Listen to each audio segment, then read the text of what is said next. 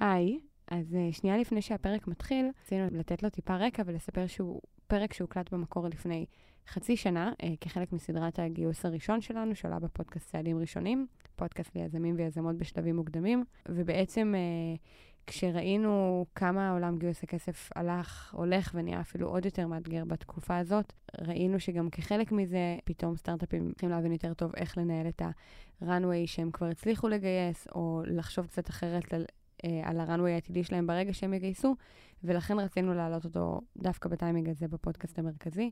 אה, זהו, מקווים שתהנו. היי לכולם, אני אדווה שיסגל ואתם הגעתם לסטארט-אפ פור סטארט-אפ, צעדים ראשונים. ואנחנו בעונה השנייה שלנו, שבה אנחנו מפרקים את תהליך הגיוס לשלבים, אה, והיום נדבר על תכנון ראנווי. ולצורך זה נמצא איתי פה רון רייטר, היי רון. היי.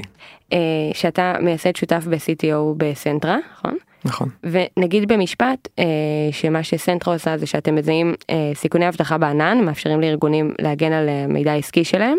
ומאז שקמתם ב-2020 גייסתם 53 מיליון דולר, ש-30 מיליון דולר מתוכם נגיד זה ממש לאחרונה לפני חודש, נכון? אפילו פחות. אפילו פחות. כן.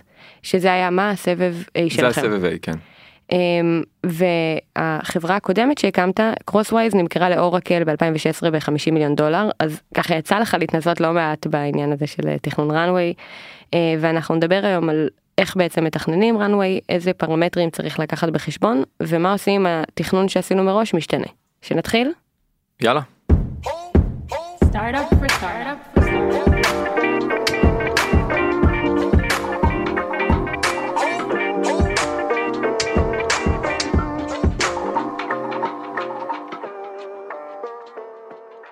אז אני רוצה להתחיל ממש ממש בבסיס רגע ולהבין מה זה runway בכלל.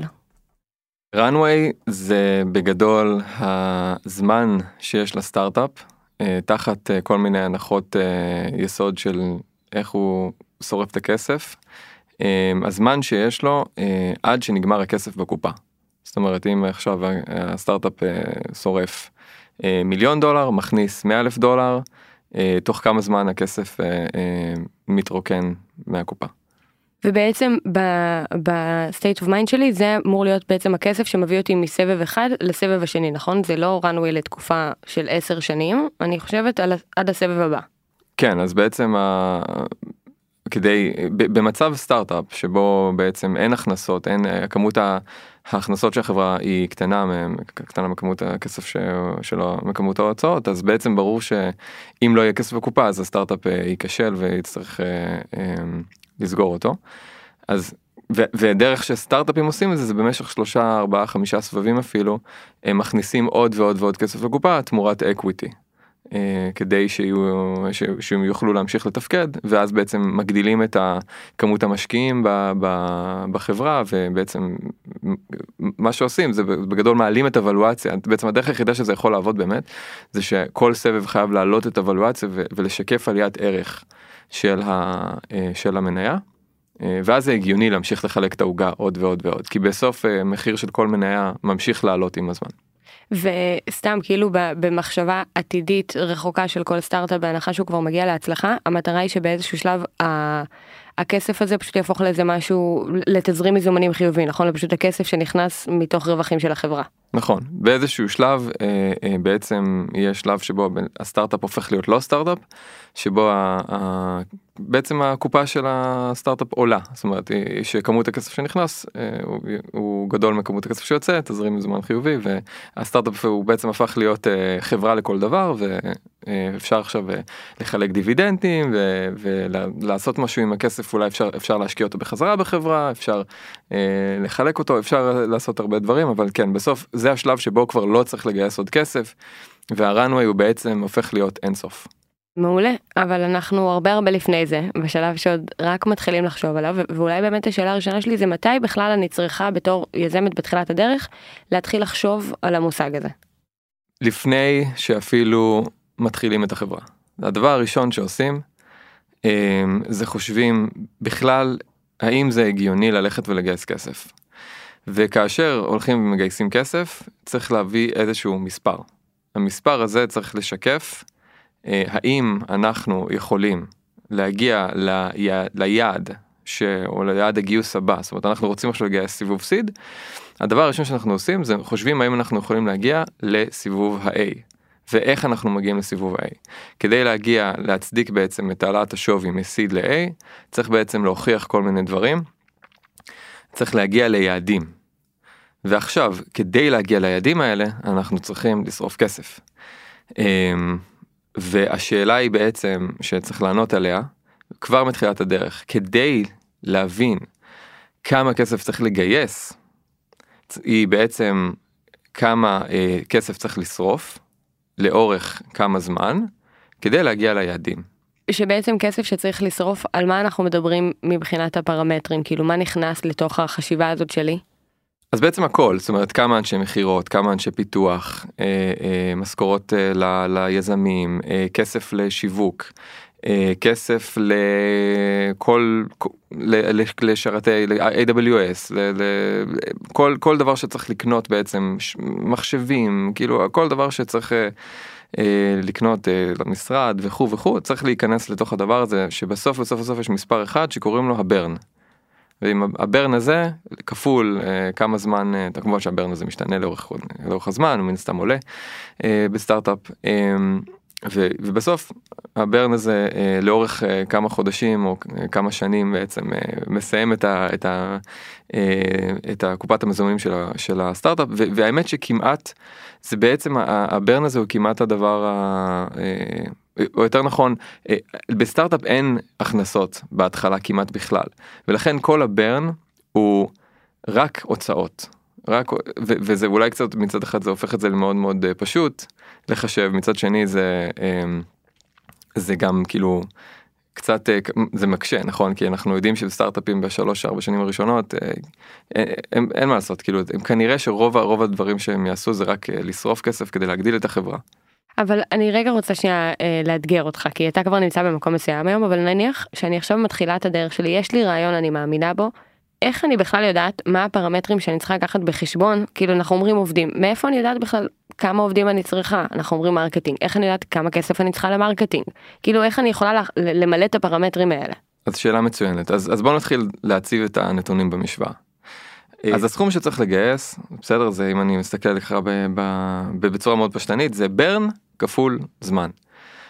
אני מפשט נורא אם אני שורף 100 אלף דולר בחודש במשך אה, אה, ואני יודע שאני צריך להגיע יכול להגיע ליעדים שהצבתי תוך שנתיים אז זה אומר 100 אלף דולר כפול 24 חודש זה כמות הכסף שאני צריך לגייס 2.4 מיליון דולר. אז אני בא ואני הולך לגייס הולך אני בא למשקיעים אני אומר להם אני צריך 2.4 מיליון דולר בשביל להגיע ליעדים אה, שיביאו שאני מאמין שהם היעדים הנכונים להגיע לסיבוב A. ואז המשקיע יבוא ויגיד אוקיי אני מסכים נראה שזה דבר שזה בעצם הדבר הנכון לעשות אה, כי זה היעדים שבאמת אני מאמין שאתה צריך להגיע אליהם. אז אתה צודק אתה צריך לקבל 2.4 מיליון דולר. למה 2.4 מיליון דולר וזה זה באמת המורכב מהזמן כפול הברן עכשיו בוא נדבר עליהם בנפרד. הזמן הוא דווקא החלק היותר פשוט כי יש איזושהי uh, ציפייה ממשקיעים שהם נותנים כסף לבין 18 ל-24 חודש. זאת אומרת הם כל המשקיעים uh, uh, חושבים שזה הדבר הנכון uh, שתוך שנה וחצי שנתיים החברה תגיע ליעדים או למדרגה הבאה בשלב ההתפתחות של הסטארט-אפ וזה השלב שבו אה, אה, יהיה, החברה תהיה מוכנה ללכת לפתוח את, ה, את, ה, את הסבב גיוס הבא ולהכניס עוד משקיעים. אה, עכשיו גם כמות הזמן הזאת היא בעצם משתנה זאת אומרת הראנוויי אה, שמצפים שבא מנכ"ל ומגייס כסף מצופה ממנו לבנות תוכנית לרנווי של 18-24 חודש בתנאי שוק אופטימליים. היום התנאי שוק הם לא אופטימליים ולכן אה, אה, זה גם בסדר אם יהיה קצת באפרים והמנכ"ל יתכנן איזשהו רנווי שמתאים ל-30 חודש אפילו 36. כי בעצם יש איזושהי הבנה שבסוף אף אחד לא רוצה להגיע למצב שכאילו שהחברה היא עם שורט און קאש אין לה מספיק מזומנים וצריך אה, להציל אותה, כן. כי, כי אה, חשוב להגיד שכשאתה אומר שנה וחצי שנתיים הכוונה היא שבעוד שנה וחצי שנתיים אתם כשהרנווי ייגמר לכם אתם כבר תהיו במקום שכבר גייסתם כסף אתם אחרי הגיוס הבא של החברה שלכם. כן, אתם לא צריך- מתחילים לחשוב על זה ברור, אתם ברור. לא. כמובן, אה, בעצם כדי, אה, אם אני עכשיו מתכנן runway ל-24 חודש, זה אומר שחצי שנה לפני לפחות התחלתי לגייס את הסבב הבא. במינימום, חצי שנה עד שנה אפילו. לצורך העניין, runway של שנתיים, אם אנחנו רוצים ללכת on the safe side, אז זה אומר שאנחנו שנה אה, לפני, אה, נתחיל לגייס את הכסף, או תשעה חודשים לפני, ככה שאנחנו בתקווה נסגור את הסיבוב עד שישה חודשים לפני שנגמר לנו הכסף, ואז תמיד יש לנו חצי שנה של buffer. ברגע שה buffer הזה של חצי שנה מתקצר לפחות מחצי שנה, החברה מתחילה להיות במצוקה והיא מתחילה להיות במצב שבה הערך שלה גם יורד. כי אם חברה שאין לה מספיק מזומנים בשביל לתפקד, היא חייבת לעצור, לפטר אנשים כדי להמשיך אה, אה, אה, לשרוד, ובעצם זה פוגע ב, ב, בתכנון וביעדים, וזה בעצם ממש, אה, זה, זה ממ- בסופו של דבר אם נגמר הכסף בחברה, חייבים לסגור את החברה, ואז החברה לא שווה כלום. אז אה, זה המצב. אז, ו- אז נחזור לה בעצם לאיך אני יודעת לתכלל את הפרמטרים של הברן. בדיוק אז אז אז הצבנו בעצם אמרנו שיש משוואה ברן כפול אה, זמן שווה סכום נכון? אז בעצם זה הנתונים פה במשוואה. כן הרבה פעמים אגב כן יש אה, שליטה על הסכום. יש לנו שליטה על הסכום כי הרבה פעמים הסכום אה, הוא, הוא מונע מאיזשהו ביקוש והיצע של המשקיע אל מול ה, ה, היזם יזמים שהם second timers אה, יותר קל להם לגייס הרבה כסף ולכן הם יכולים לתכנן יעדים יותר אגרסיביים ולשרוף יותר כסף וכו' אבל, אבל בוא רגע נניח שהסכום הוא דווקא הוא, ה, הוא המשתנה שצריך להחליט עליו. Um, הברן צריך להיות לצורך העניין 24 חודש סתם בשביל להקל על, ה, על המשוואה כמובן זה יכול להיות גם 30 במ- במידה ובעצם אנחנו צריכים אה, אנחנו מדברים על תקופות יותר קשות. אה, ועכשיו אנחנו בעצם צריכים להגדיר אה, כמה כל חודש החברה שורפת. וכדי להגיע למשוואה הזאתי המנכ"ל בעצם צריך לקחת את, ה, את הניסיון ואת הידע בתחום של, של ה, להקים חברה ופשוט להבין מה זה אומר אה, להגיע ליעדים שהוא הציב. אז אני אתן דוגמה.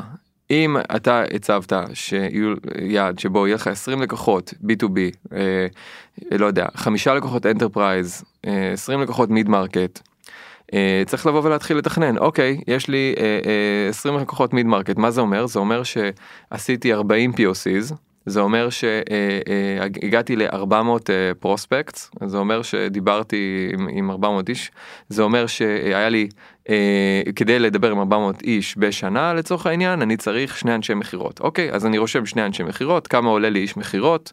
לא יודע 200 אלף דולר בשנה?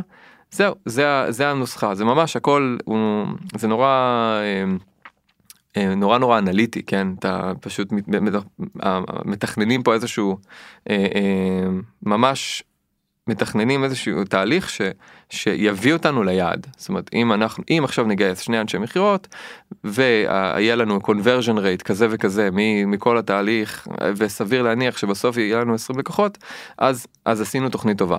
אם אנחנו עושים את המתמטיקה הזאת והמתמטיקה הזאת מראה לנו שלא גייסנו מספיק אנשי מכירות אז אנחנו צריכים להוסיף חודש מכירות וזה יעלה לנו את הברן. יעלה לנו את הברן ואז זה אומר שאנחנו צריכים או להעלות את הסכום גיוס או אה, לקחת את הסיכון ולהוריד את, ה, את הזמן שבו אה, אה, אה, אנחנו בעצם אה, חיים כאילו על ה... על, על את הזמן של התכנון. כן, אני הזמן ח- של התכנון.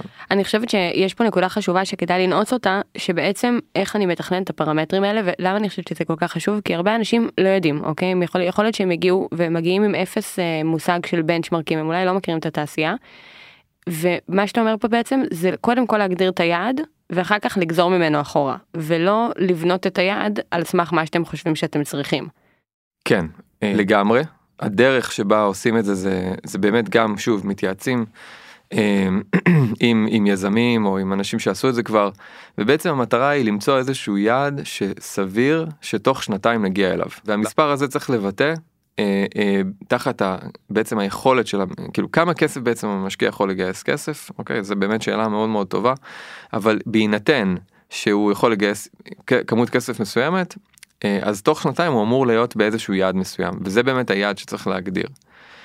אה, עכשיו כמובן שאין פה תשובה אחת נכונה יש יזמים שיכולים לרוץ מהר מאוד. שיכולים לגייס הרבה כסף ולכן הם יכולים להציב יעדים יותר אגרסיביים. יש uh, יזמים שלא רוצים uh, לקחת סיכון או שהם פרסט טיימר זה יותר קשה להם לגייס כסף ולכן סביר שהיעד שהם יציבו לעצמם הוא יהיה נמוך יותר מאשר הסקנד טיימר שבא ועשה את זה כבר ומכיר את כל המשוואות ואת המטריה ויודע מה לעשות טוב. אז זה באמת מה שמגדיר את ה... את ה מה, איך אני יודע איך להציב לעצמי את היעדים אבל באמת שברגע שאני מציב את היעדים. היעד הוא בעצם הוא זה שמגדיר לי את התוכנית ה, את העסקית ואת הברן. ופה זה ממש שאלה של של לעשות את זה נכון עם מספרים ולשבת ולדבר עם המומחים אם זה איזשהו אם זה שאלה טכנולוגית אז צריך להבין מטכנולוג מנוסה כמה עולה לפתח מוצר אם זה אם זה מכירות אז צריך להבין מאיש מכירות מנוסה כמה עולה למכור את המוצר. זה זה משוואה מאוד מאוד מורכבת בסוף הכל צריך להיכנס לאיזשהו P&L כזה ולעבוד. זאת אומרת לצאת לממש עבודות מיני עבודות מחקר כאלה של להבין מה הבנצ'מרקים בכל מיני דברים. שוב אחרי שהצבתם יעד גזרתם אחורה הבנתם מה אתם צריכים עכשיו צאו להבין מה העלות של כל אחד מהדברים האלה אבל בהתייעצויות ולבקש ולנסות להבין איפה זה נראה בחברות אני מניחה גם דומות לשלכם נכון? כן כן. האמת שזה מאוד סטנדרטי הדברים האלה ב enterprise ב-B2B זה דברים מאוד סטנדרטיים ב-B2C זה קצת יותר קשה אבל גם שם יש המון המון היגיון למשל כמה איך איך אנחנו מוציאים כסף בפרסום באינטרנט בשביל להגיע ליעדים מסוימים זה זה מטריקות מאוד מאוד מאוד מדודות כאילו יש דרכים מאוד מאוד מדויקים מדויקות אה, אה, אה, להבין את זה. אה, וזה ממש שאלה שכאילו השוק כבר ענה עליה. אה, צריך פשוט ללכת למומחים ופשוט לשבת איתם ולעשות את התכנון הכלכלי הזה של מה נכון לחברה בכל בכל תחום עד שמגיעים למספר הסופי שזה הברן. עכשיו אני רוצה שנצלול לאחד הפרמטרים שהזכרת שזה העובדים.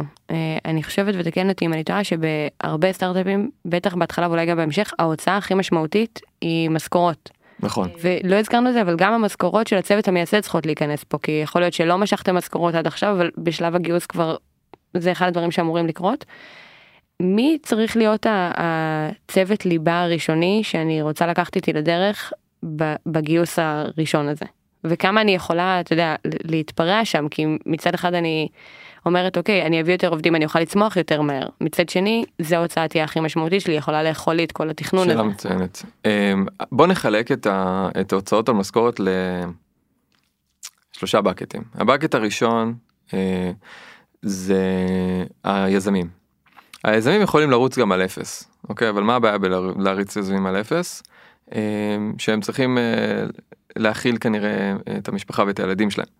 ולכן היזמים המשכורת הנכונה ליזם לקחת לעצמו הביתה זה זה המינימום הסביר שהוא יאפשר לו לחיות חיים נוחים שיהיו טובים לסטארט-אפ מצד אחד ומצד שני לא לחסוך כסף. הוא לא צריך עכשיו לחסוך זה לא המטרה שהוא בא לשמה לעבוד הוא בא לעבוד בשביל אה, שהסטארט-אפ שלו יצליח וזה גם ככה המשקיעים מצפים ממנו ככה מסתכלים הם לא לא צריך עכשיו אה, כי לצורך העניין מנכ"ל בחברת אה, לא יודע מה חברה או סמנכ"ל כלשהו באיזשהו בגוגל בסדר. ברור שהוא יקבל משכורת אה, גבוהה אוקיי אבל עכשיו הוא רוצה להקים סטארט-אפ. אז המשקיעים לא יכולים להצדיק את אותה משכורת אה, רק בגלל שהוא יכול להרוויח אותה לא הוא צריך להרוויח את המינימום שיגרום לו לשמר את איכות החיים שלו. אז ככה צריך לחשוב על זה מבחינת היזמים אה, עכשיו לגבי הדבר השני הקבוצה השנייה שקצת יותר לדעתי דיברת עליה זה מה שנקרא קורטים זה הצוות הראשוני שבעצם יביא את החברה מסיד ל-A. אה, ושם באמת יש הרבה משחק כי אפשר לבוא ולהחליט אה, אנחנו נותנים להם הרבה אחוזים והאחוזים האלה זה יכול לעלות לחברה נגיד אפילו 5 אחוז כאילו לחלק לכל עובד חצי אחוז שזה המון נכון או אפילו אחוז. ולחלק ככה בעצם בעצם לתת לעובדים הראשונים איזשהו stake מאוד מאוד משמעותי של החברה ככה שאם יהיה איזשהו אירוע איזשהו אקזיט או איזשהו איזושהי הנפקה אז אז יהיה איזשהו life changing event אמיתי עבורם ואז הדבר הזה בעצם יעודד אותם לעבוד בצורה שהם לא גם גם הם יכולים לוותר רגע על שאיפות המשכורת שלהם אז גם הם יהיו כמו היזמים לא ירוויחו יותר ממה שהם צריכים. כן, כי אולי בתור סטארט-אפ בתחילת הדרך, מה שיש לך להציע, אתה לא יכול להתחרות עם המשכורות של החברות הגדולות, אבל אתה כן יכול להבט... מה שיש לך להציע זה הפוטנציאל בלהיות הצוות נכון. ההתחלתי בסטארט-אפ, אם אתה מאמין בו. נכון, אה, זה, זה מאוד נכון, אבל גם תזכרי שבסוף אה, סטארט-אפ לעולם לא, הוא לעולם לא יוכל להתחרות עם החברות הגדולות מבחינת משכורת, ולכן הוא חייב להציע בכל מקרה דברים אחרים. אמ, הדבר שמוצע לקורטים בדרך כלל זה בואו תראו איך מקימים סטארט-אפ כדי שאתם תוכלו אחרי זה כשאתם תהיו שנתיים שלוש בתור הקורטים אז יהיו חלק מההצלחה אז יהיה לכם נורא נורא קל גם ללכת ולגייס כסף ולהגיד שאתם הייתם חלק מההצלחה. בקבוצה השלישית של, ה, של ה, אמ, בעצם העובדים זה בעצם העובדים שעובדים לא לא קמו בבוקר ואמרו אני. לא משנה מה אני רוצה לעבוד בסטארט-אפ. זה אנשים שבאו ואמרו אני רוצה לעבוד בלהיות מתכנתים או אנשי מכירות, יש לי כל מיני אופציות, אחת האופציות זה בעצם חברה, אה, חברת סטארט-אפ. אה, זה יותר כיף נכון אבל זה לא הסיבה שאני הולך לעבוד בסטארט-אפ ופה בעצם צריך להביא להם משכורת שהיא משכורת שוק. Uh, כי הם צריכים להרגיש שמעריכים אותם והם צריכים והם הולכים לקבל משמעותית פחות אחוזים מהחברה מאשר שתי הקבוצות הראשונות. וכמובן שההבדל אין איזשהו cut מאוד מאוד ברור בין הקבוצה השנייה לקבוצה השלישית זה איזשהו מדרג כזה כן? אז ברור שאין איזושהי תשובה נכונה בדיוק לכמה אנחנו צריכים להוציא אה, על, על אה, אה, משכורת מה שכן כן יש שליטה אחת כן יש דבר אחד שכמו שאמרתי מקודם שה, שהיזמים שולטים בו זה בעצם כמה אה, בהתחלה הם מביאים אנשים על בסיס אחוזים אל מול כמה מביאים אותם על בסיס משכורת כי יכולה להיות כי יזמים יכולים באמת לבוא ולהגיד אני פשוט מביא אני אני לא מביא את האנשים שהם מביאים חצי אחוז אני מביא לכולם אה, משמעותית פחות אבל אני אשלם משכורות מאוד מאוד טובות.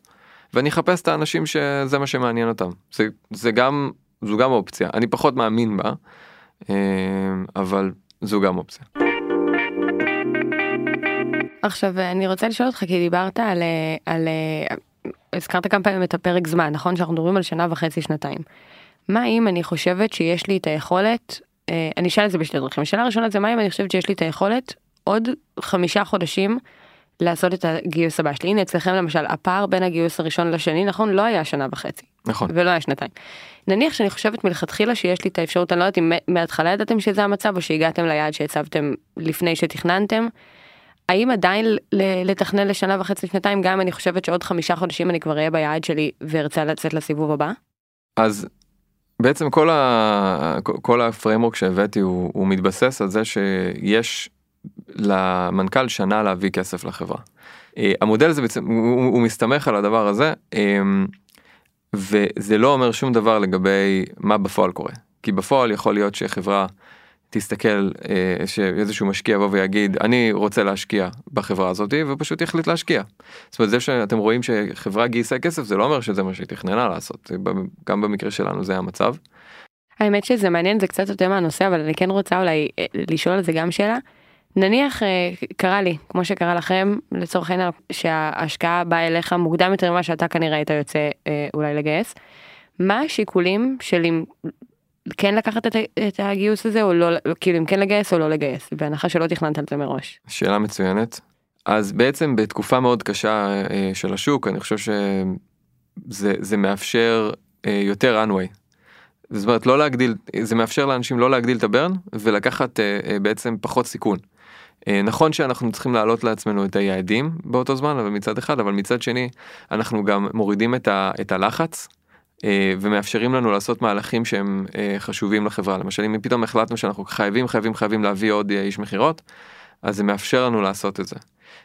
אבל שוב לא, לא במת, המטרה פה היא גם לתת יותר מרווח נשימה לחברה יותר הזדמנויות לטעות במרכאות. וגם uh, יותר גמישות באיך איזה עוד תפקידים אפשר לגייס ולהגדיל את הברן בצורה שבאמת אם נראה איזשהו חור שהיה חסר לנו בתכנון שכן נתנו אה, איך אנחנו שמים בו איזה איזה פאץ' כדי להגיע למצב שה-key hire שחסר לנו אנחנו נביא אותו והוא באמת זה שיגרום לחברה להצליח אה, ויותר כסף בעצם מאפשר את זה. ויותר כסף גם תמיד אומר שאנחנו הולכים רחוק יותר, מנסים כן להעלות את היעדים אה, לאורך זמן וכן אה, אה, אנחנו להשקיע יותר בלהגיע יותר ויותר רחוק, לקחת החלטות שהן הרבה יותר אסטרטגיות לחברה ולא פחות טקטיות, וזה בדיוק הדברים שמאפשרים את הדברים האלה, לבוא ולחשוב קצת יותר קדימה. איך אנחנו מנצחים את התחרות, איך אנחנו בונים חברה שהיא אה, עסוקה, שהיא, שהיא תצליח למכור ל enterprise, ב enterprise יש, יש אה, הזמן המכירה, ה cycle הוא מאוד מאוד מאוד ארוך, לפעמים זה יכול להיות שנה ויותר. אז, אז צריך הרבה, הרבה, הרבה מאוד זמן אה, ותכנון לאורך הרבה מאוד אה, שנים כדי להגיע ליעדי מכירה מול enterprise אז, אז זה, זה גם קצת מזכיר נגיד בחברות medical אה, תמיד תמיד סבבי גיוס הם ענקים תמיד זה עש, עשרות מאות מיליוני דולר. כן כי תהליך המחקר הוא כל כך ארוך בדיוק. שצריך בעצם runway לשבע שנים אולי בדיוק, עכשיו. בגלל ה-runway כי צריך runway מאוד מאוד ארוך אז גם פה ב enterprise צריך runway מאוד מאוד ארוך איפה צריך runway קצר נגיד ב-B2C כאילו מאוד. קל לבוא ולהראות אוקיי זה זה המספרים בואו נעשה קצת שיפורים למוצר נוציא את זה נשים אה, מיליון דולר על, אה, בחודש על אה, marketing נראה איך זה עובד מהר מאוד אפשר לבוא ולהתכנס להבנה של האם הדבר הזה עובד האם זה hockey stick האם זה טס למעלה או האם זה לא האם זה לא עובד. אז ה runway צריך יכול להיות הרבה יותר קצר אבל כשמדובר ב enterprise sales אז באמת צריך להאריך קצת ה runway וזה ממש אפשר לחשוב על זה בתור. אה, אה, ספינת מרוץ אל מול אה, ספינה ענקית שכאילו באמת לוקח זמן כאילו לגרום לה לנסוע קדימה ולכוון אותה לכיוון אחר וכאילו פשוט דבר הזה כל כך כבד ש, שכל כל תיקון קטן או שינוי באמת הוא כאילו לוקח הרבה מאוד זמן. והזמן הוא זה שמגדיר את כמות הכסף שאנחנו צריכים. כן אני חייבת להגיד שכאילו מה שעולה לי מאוד חזק שאתה אומר את זה זה יש איזה משפט כזה נכון? It's not a sprint it's a marathon. ולזכור שבסוף מה שלא תעשו זה לטווח הארוך נכון. אמ, ואז כל הפרמטרים נכנסים תחת זה אז יכול להיות שיש את הפרמטר של מה המצב בשוק ומה הסיכוי שלכם לגייס אחר כך מצד שני יש את הפרמטר של אה, כאילו אם תגידו לא מצד שני יש את הפרמטר של אבל מה זה אומר על הגיוס הבא שלכם אם אתם עכשיו לוקחים את הכסף אז פשוט לזכור שמה שלא תעשו הוא אמור לתחזק משהו לטווח הארוך ולהכניס את כל הפרמטרים שצריך לקחת בחשבון תחתיו. כן סיכום מצוין. אני רוצה לדבר קצת על אג'יליות בתוך הדבר הזה וזה סופר רלוונטי עכשיו נגיד אם מישהו ישמע את הפרק הזה בעתיד שאנחנו מדברים בפברואר 23 השוק אה, מאוד מאוד וולטילי כאילו אה, מאוד לא יציב. דברים יכולים להשתנות הנה רק עכשיו הדולר פתאום מתחזק בטירוף יכול להיות שהברן שתכננתי הוא פתאום כל ההוצאות שלי גדלו כי פשוט אני כל ההוצאות שלי בדולרים והוא התחזק אל מול השקל למשל יכול להיות נכון. שכאילו או שיש לי הכנסות בדולרים והדולר נחלש וההוצאות שלי בשקלים והשקל מתחזק או עוד נכון. אלף ואחת דברים אחרים אז מה אני עושה עם שינויים שלא קשורים אליי בתוך הדבר הזה או סתם עוד זה העובד שלי פתאום העובד הכי טוב שלי שאני לא רוצה לוותר עליו פתאום מבקש העלאה במשכורת גם משהו שיכול להוסיף לברן. כן שאלה מצוינת אז. Uh... אז באמת אה, קרו שני דברים לדעתי די משמעותיים לאחרונה. אה, אחד הוא גלובלי השני הוא לוקאלי הנושא הלוקאלי פה אה, האמת הוא דווקא לסטארט-אפים הוא קצת מקל כי סטארט-אפ הוא בדרך כלל מגייס כסף בדולרים והוא צריך להמיר את זה למשכורות בשקלים. אה, ומאחר וישראל הפכה להיות מקום הרבה פחות אטרקטיבי למשקיעים אז אה, בעצם השקל נחלש ויותר זול לנו לשלם את המשכורות עכשיו לעובדים. אז במובן הזה לפחות למודל הקלאסי של סטארט-אפ שמגייס כסף אמריקאי ל... ל אה, כסף דולרים לעובדים כן. ישראלים אז כאילו בקטע הזה זה דווקא הקל ולא הקשה אבל אני לא חושב שזה יחזיק לאורך זמן בסוף נראה לי מדינת ישראל תשרוד. אבל uh, מה שבאמת השתנה לרעה מבחינת הסטארט-אפים זה בעצם uh, איזשהו uh, שוק מאוד דובי בהקשר של הסיכון שהשוק מוכן לקחת נכון הריבית מאוד מאוד גבוהה עכשיו. הבועה התנפצה בכל מיני תחומים שהם כל הווב ב-3 וקריפטו וכל ה, כל מיני דברים שחשבו שיצליחו פשוט יצא כל האוויר מהבלון.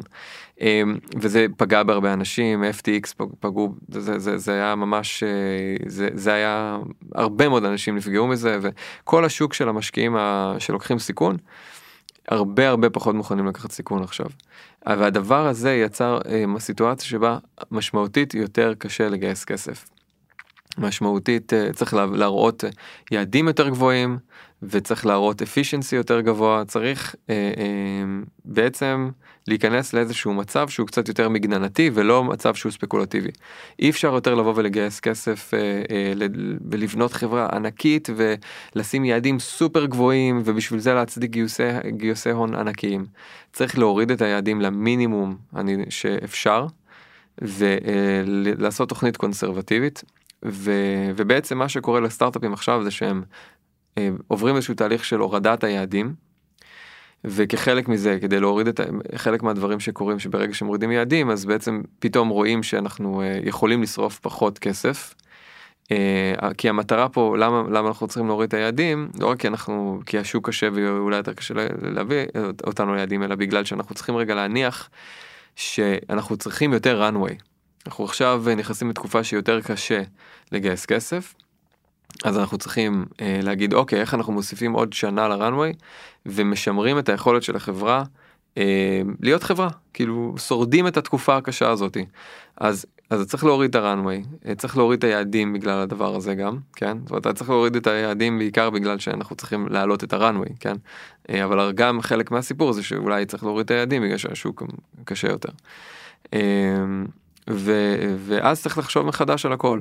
צריך לבוא ולהבין אוקיי איך השוק השתנה מבחינת ה, ה, איך להגיע ליעדים כמה אנשי מכירות אני צריך כמה אנשי פיתוח אני צריך אם עכשיו היעדים נמוכים יותר אז מה זה אומר מבחינת אה, כי בעצם כי אנחנו מנסים למשוך את הרן יותר אז אז מה זה אומר מבחינת אה, כמה עובדים אנחנו צריכים יכול להיות שאנחנו יכולים לפטר עובדים עכשיו יכול להיות שאנחנו יכולים לצמצם הוצאות.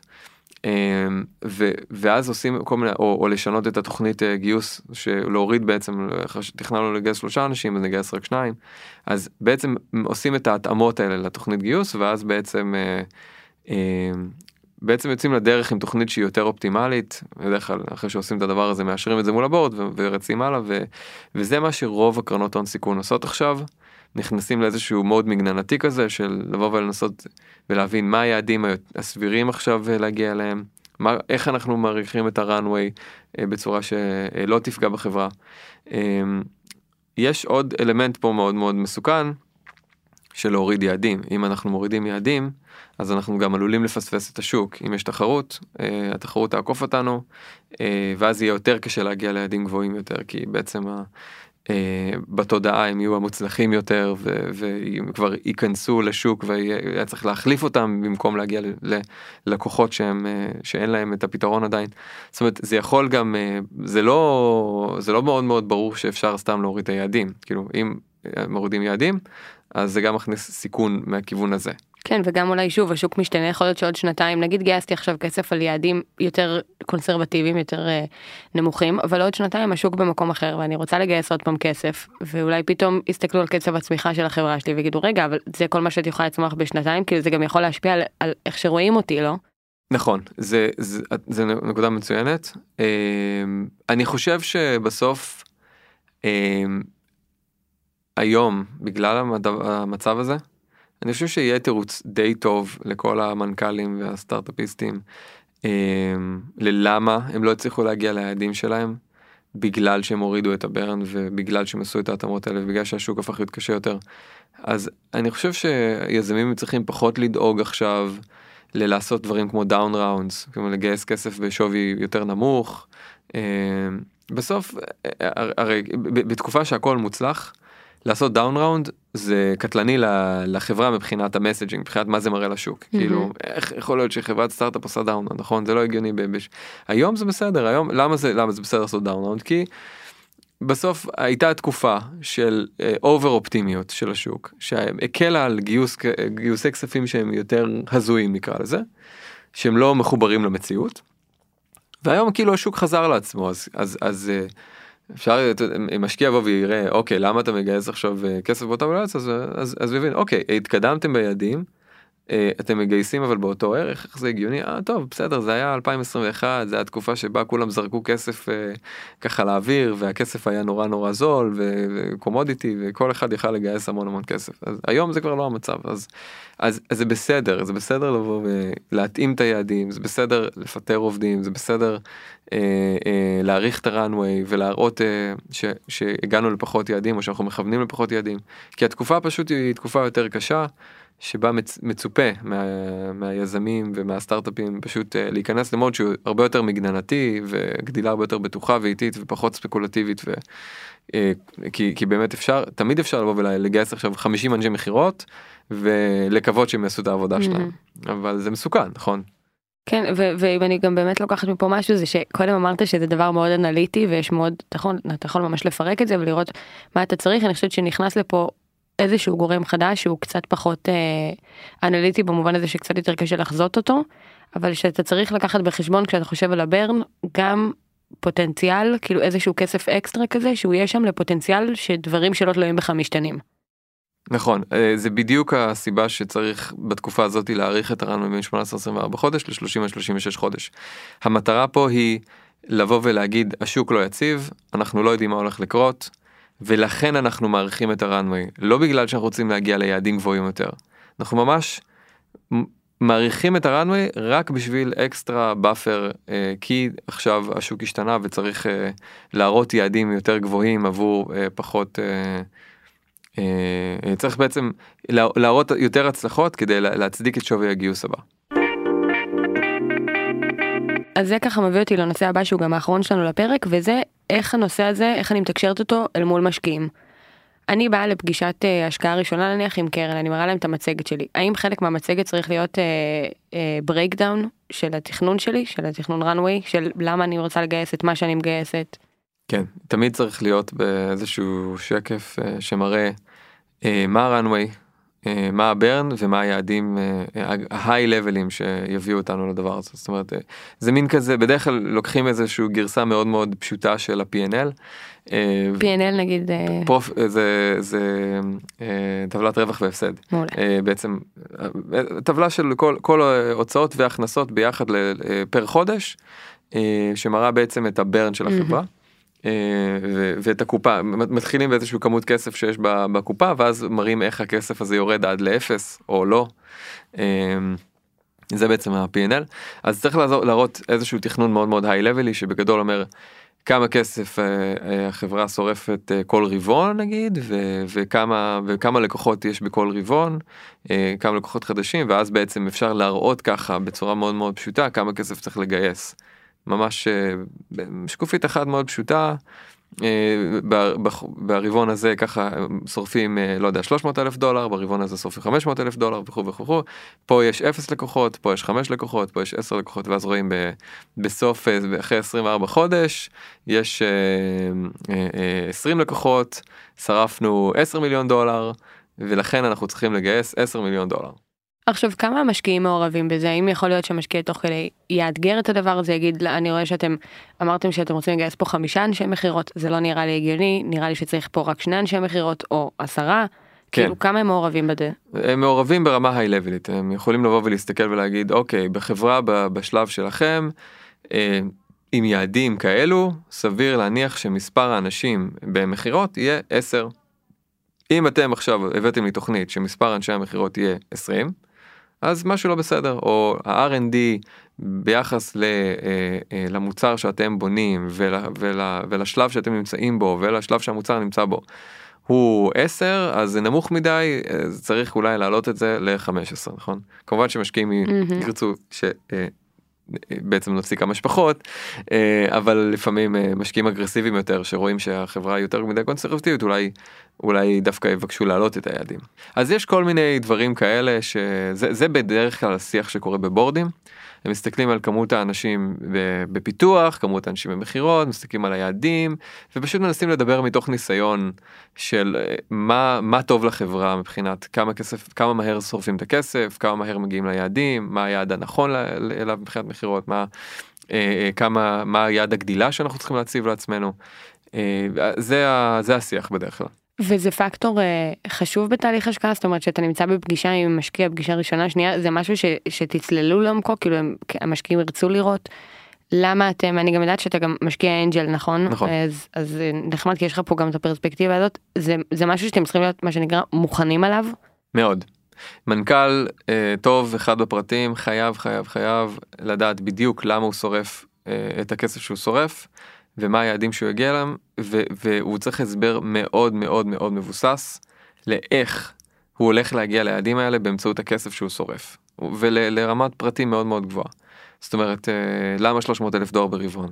כי צריך להביא שלושה אנשי מכירות ו- ועוד uh, חמישה מפתחים וזה ו- וככה הוצאות שרתים ומשרדים וכו' וזה מה שלוקח uh, זמן לפתח את הפיצ'ר הזה ואת הפיצ'ר הזה וצריך חמישה אנשים פה ועשרה אנשים שם והקצב שבו נביא לקוחות חדשים עם חמישה אנשי מכירות יהיה כזה וכזה וכזה זאת אומרת, זה צריך להיות המנכ"ל צריך להבין ברמה מאוד מאוד גבוהה. למה האנשים אה, אה, שהוא מגייס הם אה, קריטיים כדי לגרום לחברה להצליח. אה, אני חושב שעם הזמן, אה, ככל שזה עובר מ-C ל-A ל-B, אז כמובן שהמנכ"ל פחות צריך להיות חד בפרטים, הוא לא צריך לדעת למה R&D הוא 350 איש ולא 360 איש, נכון? אה, הוא יודע שזה מה שצריך בשביל אה, לתחזק את המוצר ולבנות פיצ'רים חדשים בוולוסיטי כזה וזה מה שהוא יודע. אה, אבל בתחילת הדרך מנכ"ל צריך להיות מאוד מאוד חד בפרטים ממש לא לרמת הדולר אבל כאילו באמת לרמת ה... לא יודע 50 אלף דולר 100 אלף דולר צריך ממש לדעת לאיפה כל שקל הולך. מעולה, אז אנחנו ממש ממש קרובים לסיום, ואני רוצה לשאול אותך לפני, אה, אם יש לך טיפים ליזמים ויזמות שיוצאים עכשיו לדרך, אה, ומתחילים לחשוב על, ה, על הברן שלהם, על הראנוויי שלהם, רוצים להגיע לסבב השקעה, מה אתה ממליץ להם? אז באופן אה, אולי קצת, לא יודע, מפתיע, אני חושב שלא צריך להתייחס בכלל למצב בשוק. השקעות הסיד הם פחות אה, זה, זה פחות רלוונטי להשקעות סיד הסיד אה, זה כסף שבכל מקרה יש לקרנות הסיד הסכומים בכל מקרה זה אותו סדר גודל זה פחות איפה שהעולם נפגע היום רוב הפגיעה. אה, הייתה גם איפה שהייתה את רוב הגדילה כן ב2020 2021 זה בגרוס כאילו שם באמת היה העולם קצת היה אופטימי מדי ועכשיו הוא כזה חטף מכה אבל אבל בסטארט-אפים בסיד. Um, לא השתנה יותר מדי זאת אומרת עדיין צריך לתכנן לשנתיים אולי שנתיים וחצי מקסימום זה כדי להראות שאנחנו מבינים שאנחנו בתקופה קשה.